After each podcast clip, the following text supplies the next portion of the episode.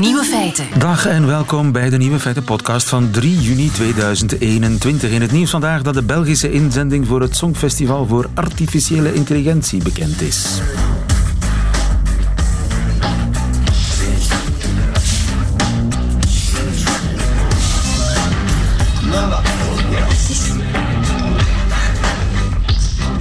Ja, Robot Love, zo heet het nummer. En het is van de Leuvense band Beatroots AI. En zowel de compositie, de tekst, de videoclip als de uitvoering zelf, die is volledig computer gegenereerd.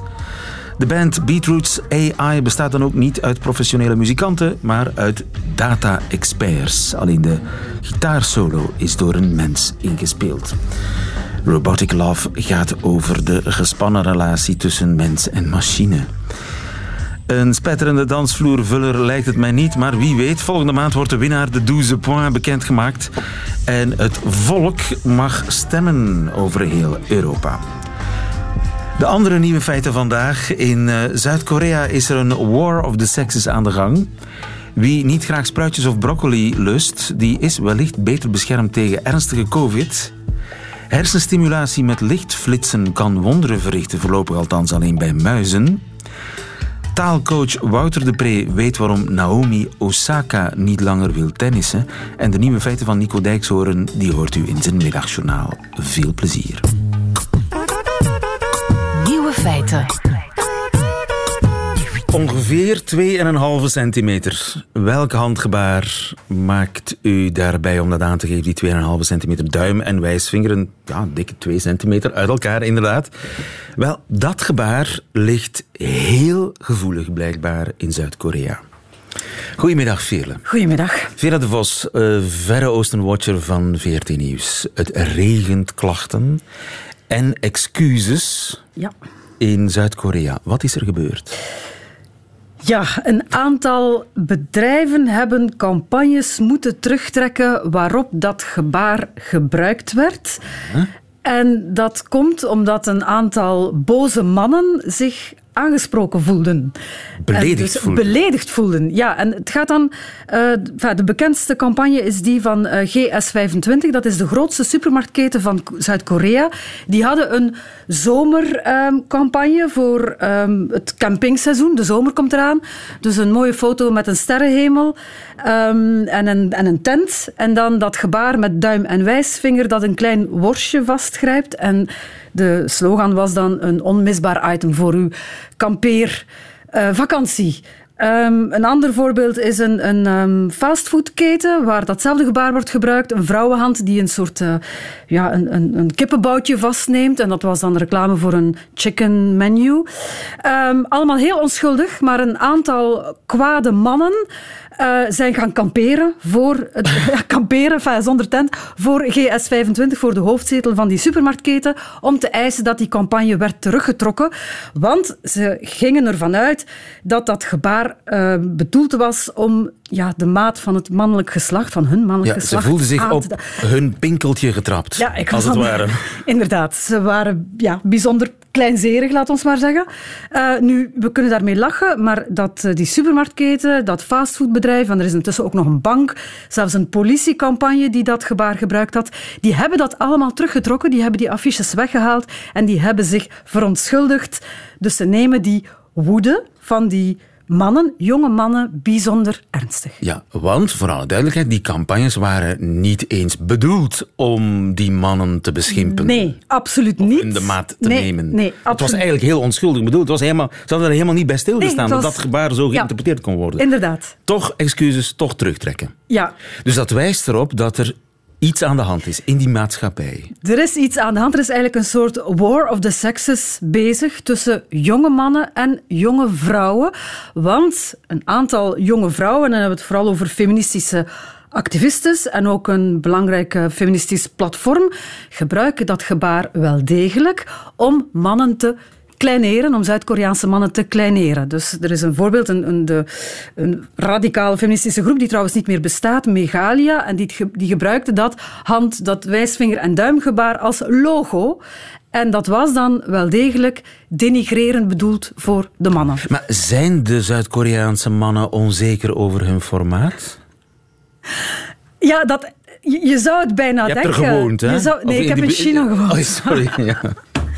Je zou het bijna denken. Um, ik weet het niet, maar um, het heeft veel te maken met een uh, campagne, en dan gaan we naar ernstigere zaken, van president Moon. Uh, president die intussen vier jaar aan de macht is ongeveer, die zichzelf de eerste feministische president heeft genoemd. Uh -huh. En die eigenlijk al vier jaar lang aan het proberen is om de vrouwenrechten in Zuid-Korea naar een hoger niveau te tillen. Uh, Want hoe is het daarmee gesteld met die vrouwenrechten in Zuid-Korea? Slecht, lieven, slecht. Dus Zuid-Korea, ik denk als we kijken naar uh, bijvoorbeeld de loonkloof. Uh, de loonkloof is nergens ter wereld zo groot tussen mannen en vrouwen als in Zuid-Korea. Nergens uh, ter wereld zo groot nee, als in Zuid-Korea? Dat is toch een heel modern land? Inderdaad, modern land. Van, maar... Met van die K-pop, met non-binaire ja. jongetjes die, die de wereld veroveren. Ja, maar dat heeft dan blijkbaar toch niet zo heel veel te maken met vrouwenrechten. Ik denk in 2018 stond Zuid-Korea op plaats 115 van de 149 landen. Uh, wat betreft vrouwenrechten doen het slechter dan China, doen het slechter dan Japan. Heeft te maken onder andere met een loonkloof, maar ook het feit dat in de zakenwereld en de politieke wereld er nauwelijks vrouwen te vinden zijn. Dat zijn allemaal mannen, oudere mannen, zie je ook in Japan en in China, maar in Zuid-Korea is het blijkbaar nog erger. Um, ook in de politiek, uh, in het management, heel weinig vrouwen. Wat opmerkelijk is, is dat die campagne van president Moon effect begint, begint te hebben. Want de afgelopen jaren, ik ben even gaan kijken naar die, die Gender Inequality Index die je kan opzoeken, stijgt Zuid-Korea. Gaat elk jaar een paar stappen omhoog. Heeft zelfs al China en Japan ingehaald. Ja, het is precies omdat hij zo snel gaat dat er weerstand is. Ja, daar, ja dat is het eigenlijk. Uh, dus wat, wat zie je dan bijvoorbeeld? Um, vrouwen krijgen bijvoorbeeld meer subsidies als ze een eigen zaak opstarten. Uh, uh, er is positieve discriminatie. Hè, dus bij twee kandidaten moet de vrouw worden aangenomen omdat er te weinig vrouwen zijn. En wat krijg je dan? Dan krijg je boze jonge mannen die het gevoel hebben, ja, dat ze alles aan het kwijtraken zijn. Die zeggen, ja, maar wacht eens even. Uh, de, de weegschaal gaat helemaal de andere kant op. Het zijn nu de vrouwen die alles krijgen. Bovendien hebben ze al allerlei voordelen. Zuid-Koreaanse vrouwen moeten niet in het leger twee jaar, wat Zuid-Koreaanse mannen wel moeten. Uh, er zijn in Zuid-Korea ook vrouwenuniversiteiten, ja. bijvoorbeeld voor farmacie en recht. En er is een limiet op het aantal uh, studenten dat farmacie of recht mag studeren. Dus als je vrouw bent, heb je daar al enig voordeel. En die mannen zeggen, ja, wij hebben het ook moeilijk. Er is veel werkloosheid, de economische boom in Zuid-Korea. verdrukt door dat feminisme. We worden verdrukt door die feministes. En, um, Uitgerekend dat twee centimeter ja, hebben... Voilà. Waar, ja. waar wij mannen natuurlijk absoluut niet gevoelig voor zijn. Nee, uh, want je hebt ook, hè, dat, ik had het nu over die, die feministische groep die dat gebruikt als logo, maar je hebt ook een aantal bekende stand-up comediennes of, of televisiepersoonlijkheden die op televisie wel eens dat gebaar durven gebruiken met een, een, een lachje erbij, zodat andere vrouwen begrijpen waar het over gaat. En die jonge mannen vinden dat de druppel in de emmer. Die, ja, dus ze zeggen, we zijn al onze rechten aan het kwijtraken, onze bevoorrechte positie. En nu gaan ze ons nog eens vernederen ook. Ja. En dat valt dus heel erg zwaar in Zuid-Korea. Het gaat dus over feminisme en antifeminisme. De war of the sexes in uh, Zuid-Korea. Boeiend. Dankjewel, Vele de Vos. Goedemiddag. Radio 1. Nieuwe feiten. Lieven van den Houten. Liever geen broccoli voor u. Wel, dan heb ik goed nieuws, want dan bent u wellicht goed bestand tegen corona. Filip Gevaert, goedemiddag. Goedemiddag. Dokter Gevaert moet ik eigenlijk zeggen van het UZ in Gent, neus, keel en oorarts.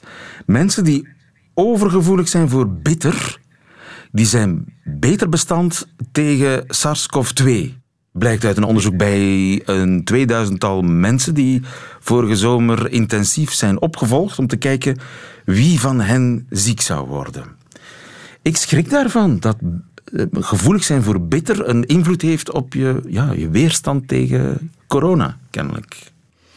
Voor ons was dat eigenlijk niet zo een verrassing. We wisten eigenlijk al meer dan tien jaar dat uh, het, het, het, smaken van bitter, dus mensen die bitter als heel bitter aanvoelen, dat noemen we zogezegd de bitter super tasters, dat die eigenlijk beschermd zijn tegen vele bovenste luchtweginfecties zoals sinusitis. En die associatie was eigenlijk al eerder gemaakt. Ah ja, want ruim 250 van die 2000 proefkonijnen, zeg maar, of mensen die gevolgd zijn, 250, die kregen daadwerkelijk COVID-19. En van die 250 was er bijna niemand met die overgevoeligheid voor bitter. Dus het klopt.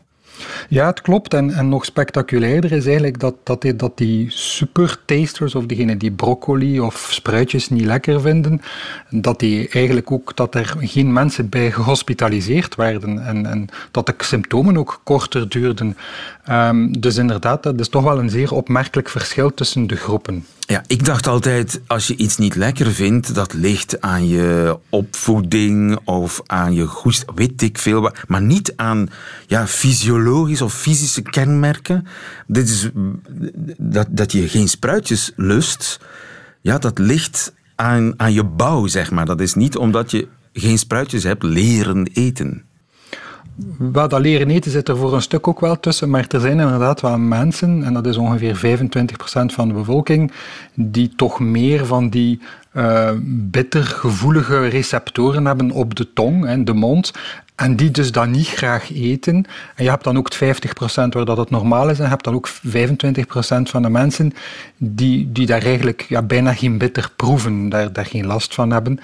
Um, en effectief, het is zo dat degenen die daar, dat heel bitter uh, proeven, ja, dat die toch beter beschermd zijn tegen infecties. En wat is de logica? Wat is het verband tussen mijn afweersysteem en mijn gevoeligheid voor bitter? Wel, het blijkt zo dat er een associatie is tussen dat bitter proeven enerzijds en uw aangeboren immuniteit. Dus we hebben twee systemen van immuniteit. We hebben het aangeboren systeem en het verworven systeem.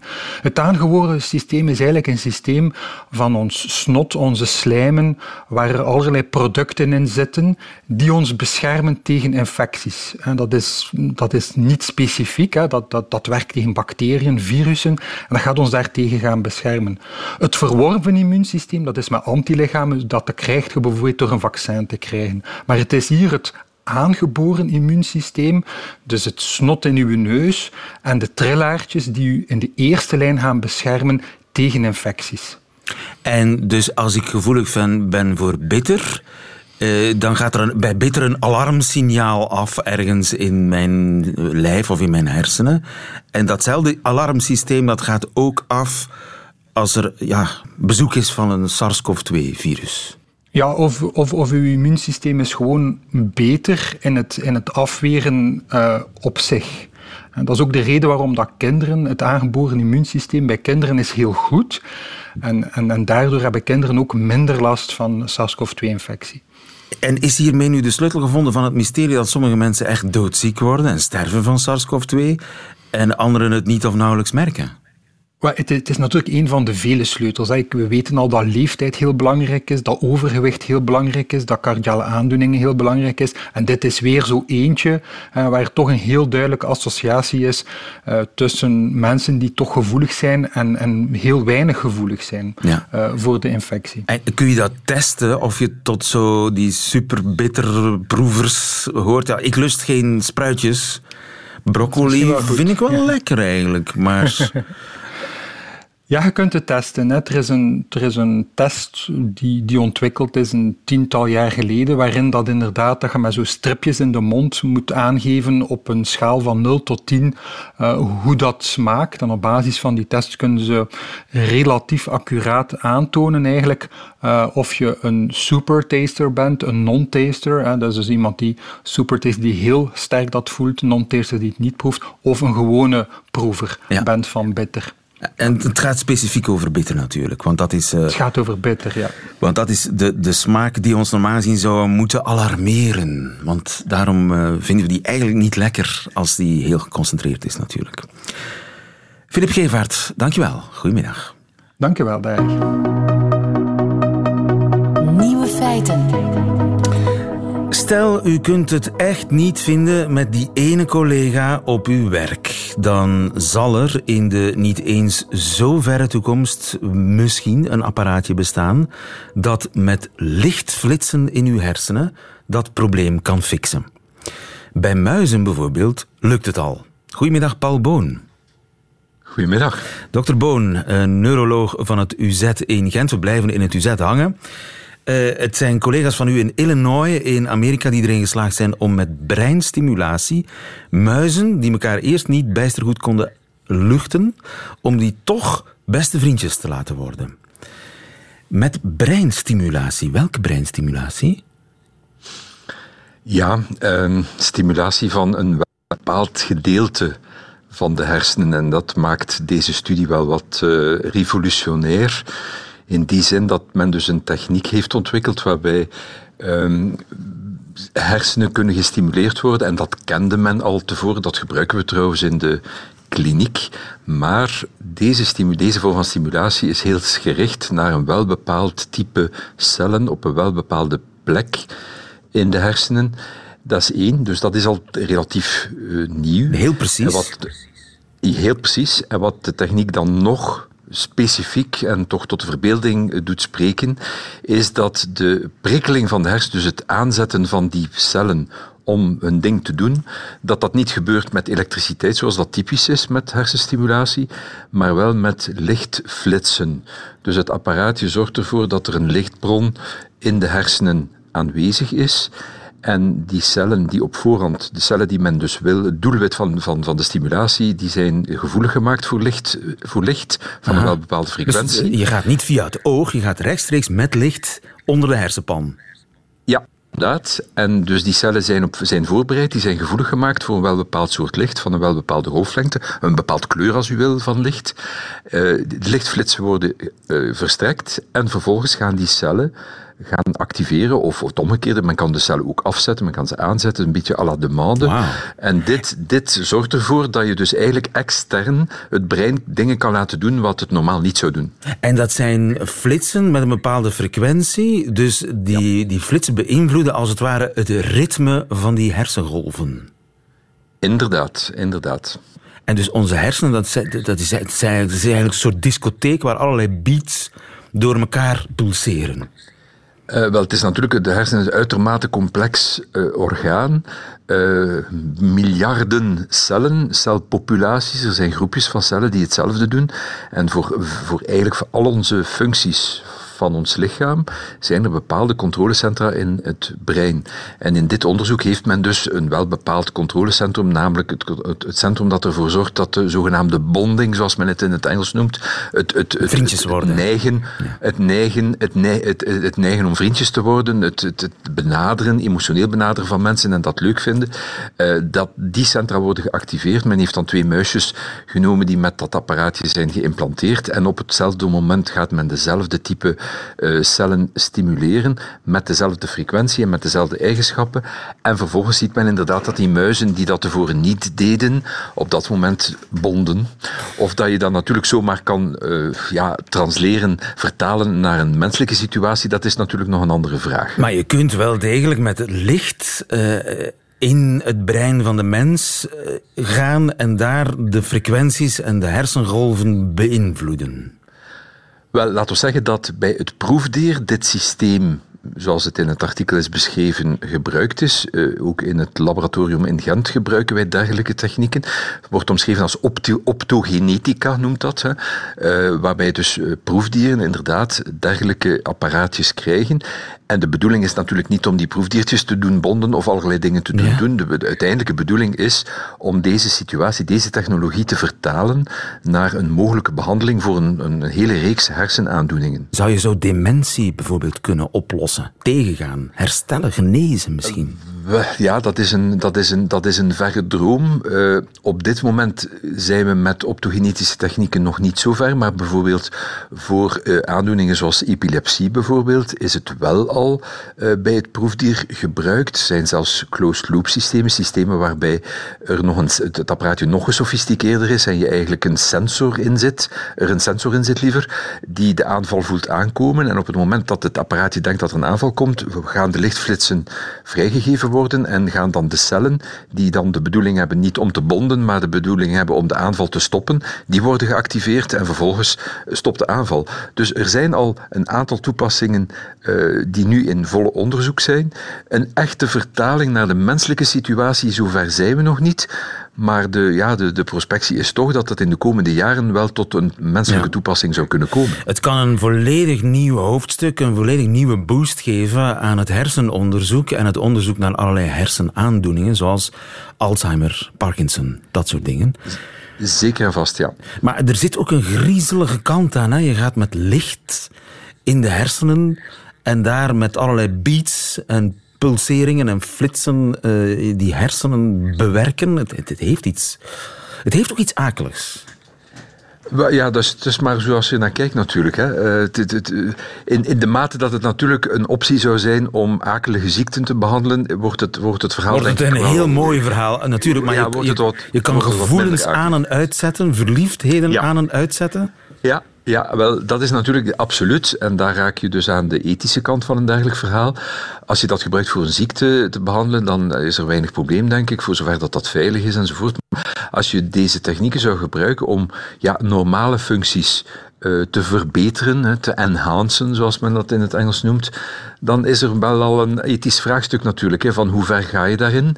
Uh, het, het, het, verhaal van Big Brother, het feit dat uh, de ene mens of een, een, een, een ja. externe persoon een mens zou kunnen beïnvloeden tot gedrag wat dan misschien niet gewenst is, dat roept natuurlijk inderdaad ja. ethische vragen. Ja, dat is altijd zo met, met de technologische vooruitgang komen er allerlei ethische vragen.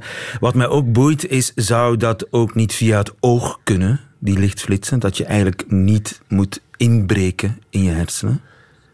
Uh, ja, maar dan ga je natuurlijk een beetje voorbij aan het specifieke van deze behandeling. Het, het, het, het feit dat, dat je in die hele specifieke zone kunt werken. Ja, als je het oog gaat stimuleren, dan ga je via het netvlies uiteindelijk ook de hersenen bereiken en bepaalde centra bereiken, maar dan is de stimulatie absoluut niet zo specifiek.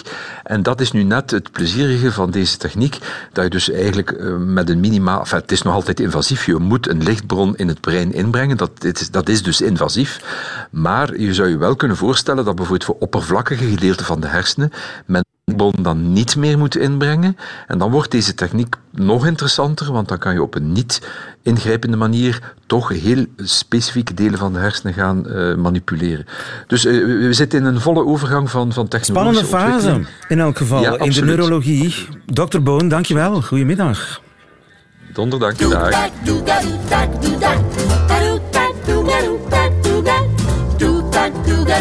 De taalcoach.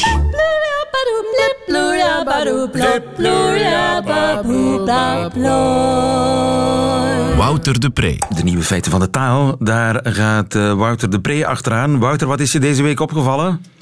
Ja, misschien moeten we eens luisteren naar een fragmentje van de Japanse tennister Naomi Osaka. Oh, God, een ja, persconferentie. Ja, ja maar, dit is een ouder stukje. Het is een persconferentie uh, op Roland Garros in 2019. Oké, okay, dus zo klonk Naomi Osaka twee jaar geleden. Like a piecing out of this tournament. I'm going home. Like, bye. I, I'm sorry. I'm not going to miss you guys.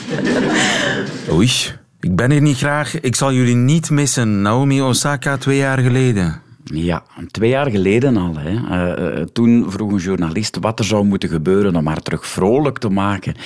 En het is hartverscheurend. Ze zei dat het beste dat haar zou kunnen overkomen was dat ze zou verliezen zodat ze kon vertrekken. Oesje. Ze was bang, je kunt niet anders dan meeleven met haar. Ze heeft zich dit jaar eh, ondertussen ook teruggetrokken hè, van Roland Garros, omdat de druk te groot is. En we wensen haar allemaal van harte een goede omgeving toe, die haar kan helpen om over die hordes te leren stappen.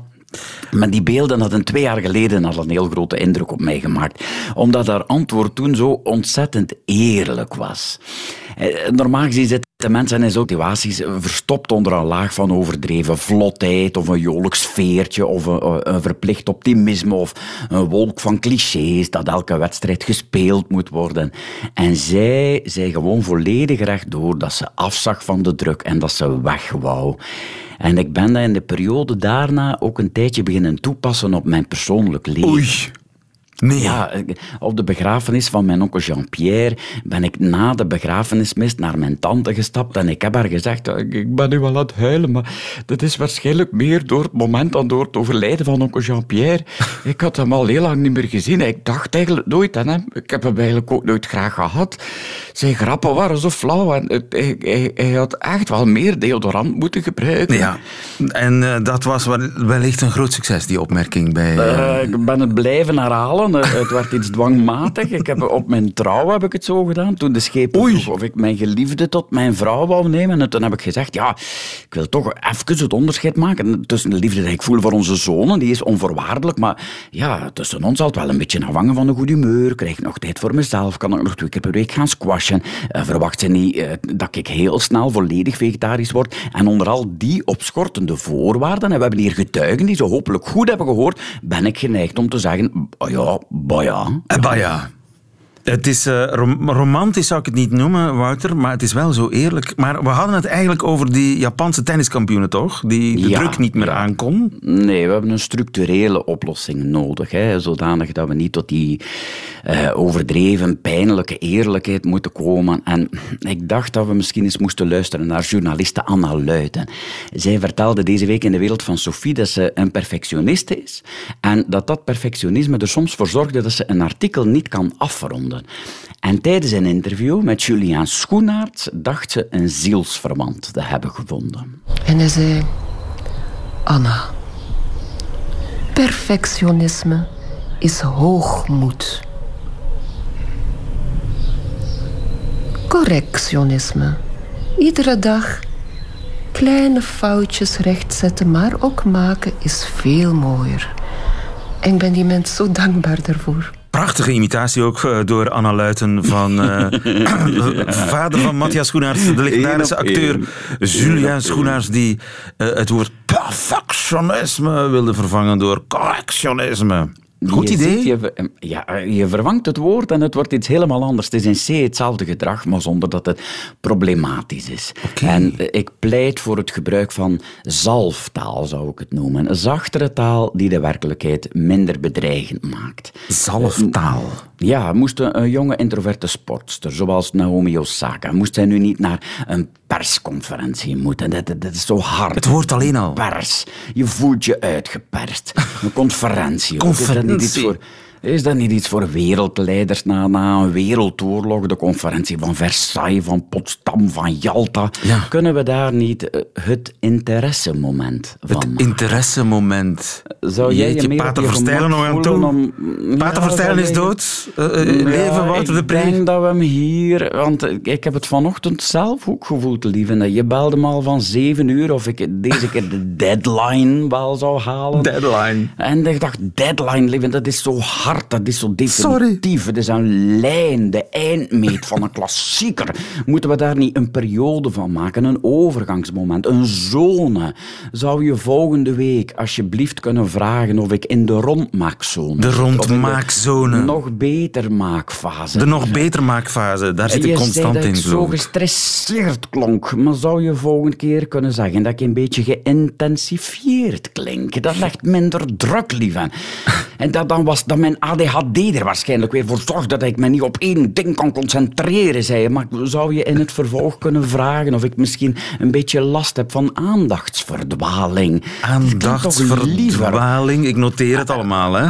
En dan was ik te neurotisch volgens jou, lieve. Maar ik ben niet neurotisch, ik doe aan werkelijkheidsmanagement. Obsessief-compulsief, dat was nog een van de complimentjes die je dan rond acht uur naar mij brulde. Lieven, ik heb ordelust. Dat maakt het hanteerbaarder. En als je in al die zaken eindelijk de juiste termen zou kunnen gebruiken, lieven, dan denk ik dat ik niet weer in een burn-out zal geraken, zoals jij dreigde. Zoals de vorige keer. Die kwam door jou en ik had dat fijn gevonden als je toen de term spaarstand had gebruikt. Dat ik eventjes in spaarstand stond. Dan brandt het vlammetje nog en kan het elk moment opnieuw opflakkeren, lieve. Zie je, het, zie je het mogelijk om tegenover mij de juiste zalftaal te gebruiken? Of heb je een duidelijke deadline nodig? Tegen volgende week, alsjeblieft. Oké, ik, ik, ik, probeer mij aan de spaarstand te houden, uh, Wouter de Pre. Tot volgende Eindelijk. week. Eindelijk. Tot volgende week, lieve.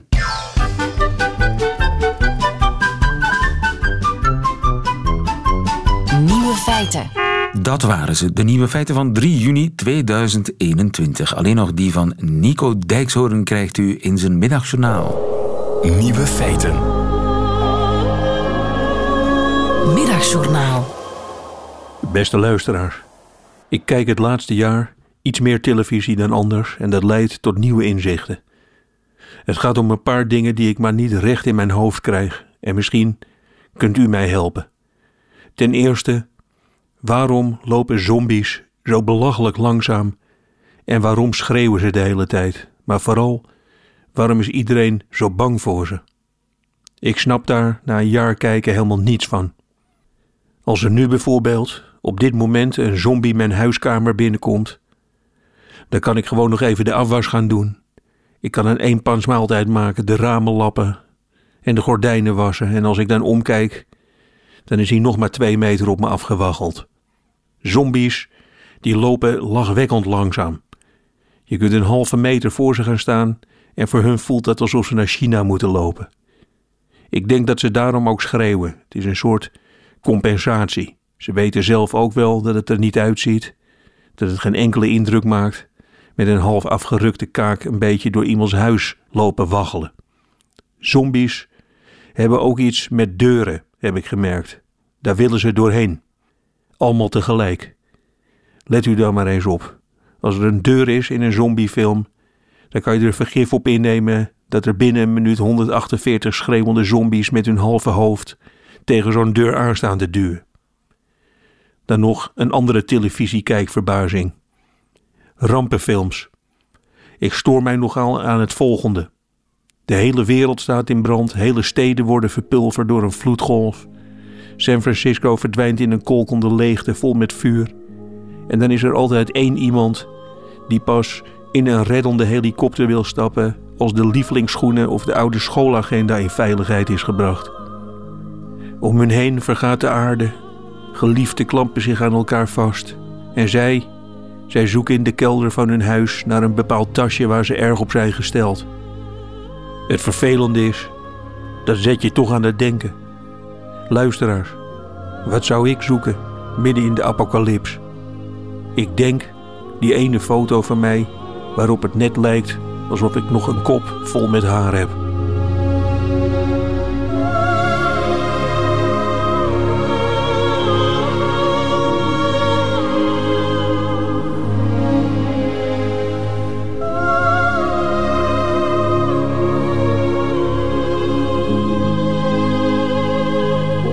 Het middagjournaal met Nico Dijkshoorn. Einde van deze podcast. Hoort u liever de volledige nieuwe feiten met de muziek erbij? Dat kan natuurlijk ook via radio1.be of via Radio 1 de app.